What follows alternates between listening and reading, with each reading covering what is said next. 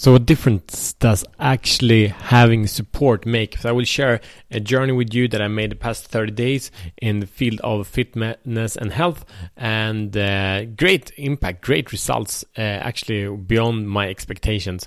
And the, the big question is, what happened the, the, past three years before I did this 30 day challenge.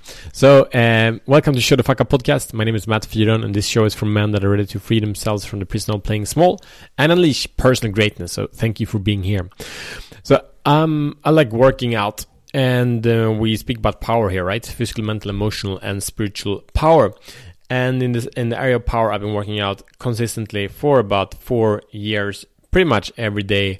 Um, it's some somewhere around like 900 workouts the past uh, I think it's three four years yeah so say it's six days a week in in in average per week this is pretty consistent and then uh, I, I've been doing a bunch of different things, and the results have been varied. But I'm like having decent strength, decent cardio, decent most things, and, and decent uh, weight, um, but nothing too intense. Uh, not not like a CrossFit dude. But anyway, I've been wanting to experiment with different things, and, and I joined this challenge for two reasons. I will tell you a bit more about the challenge in a moment. Um, first was to, to lose weight because I know I have like, you know, an extra five, 10 kilos of fat for no reason, and like doing pull ups and stuff, and it's no, yeah, it, it doesn't do any good. And of course, it's cool to look cut. Uh, I want to experience that because I've been having low weights, but then I've been usually very, very skinny, and now um, okay muscular and I want to cut that. And also I joined this this diet program because I wanted to experience me without eating that much uh, or having that kind of relationship with food I needed all the time. So it's been um, a, a, program where I've been eating shakes basically twice a day, a uh, full meal shake, and then having one meal a day, and then been fasting, uh, some kind of fasting, juice fast or something like that, once a week and it's been um, very good experience. And on that also I've been receiving uh, fitness coaching in a program. So both my my diet and my workout has been uh, monitored. In the past um, three years, I've basically not been doing any of that. I've been doing a bunch of different diets, but it's been unstructured. Uh, I mean, I've been keeping them for myself, but I basically came up and tested things out. Here is something that was created for me that I've been following. And also, in, in when it comes to the workout, I've been following a, a 30 day uh, coaching program uh, where I've just been taking orders, just been doing and, and executing uh, at my very best ability.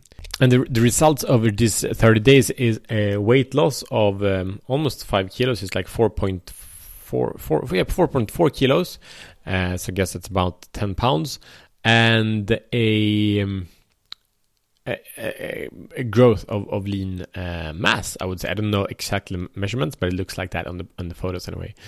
And um, I would say looking back at the, at the photos now from from when I started, I look like half sloppy, and now 30 days later, I look actually quite fit. And there's a long way to go, but I'm really, really happy. I'm having a goal I will continue for another two months and, and lose another six kilos of fat is the goal. And, and just experience that. I'm not attached to stay like that forever, but just explore how life feels on that other side. That's, that's kind of it. And maybe I like it, maybe not. We'll see. But it's just about the experience of, of, of knowing instead of thinking I will know. So, um, expre- uh, appreciate that. But anyway, what, what's been so striking is that I've been putting so many hundreds and hundreds and hundreds of hours on working out the past years, as well as eating a lot, and and just the difference by here following a system, following a, a, a proven tactic, that's created such a massive difference, and also that the mind is stronger due to less thinking about food and more fasting. I've been doing like intermediate fasting, and um,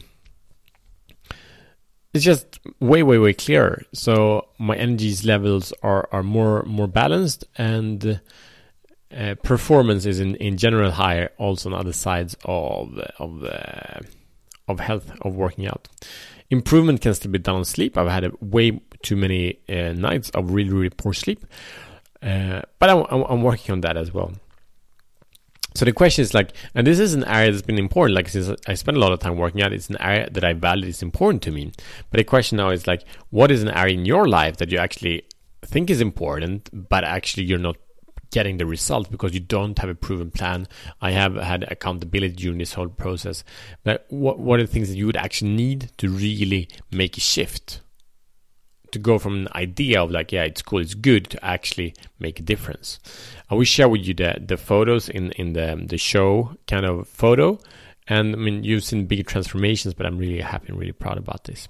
So your mission, should you choose to accept this, is to identify your something that you want really different results in and then identify who will help you get there and then commit to take action.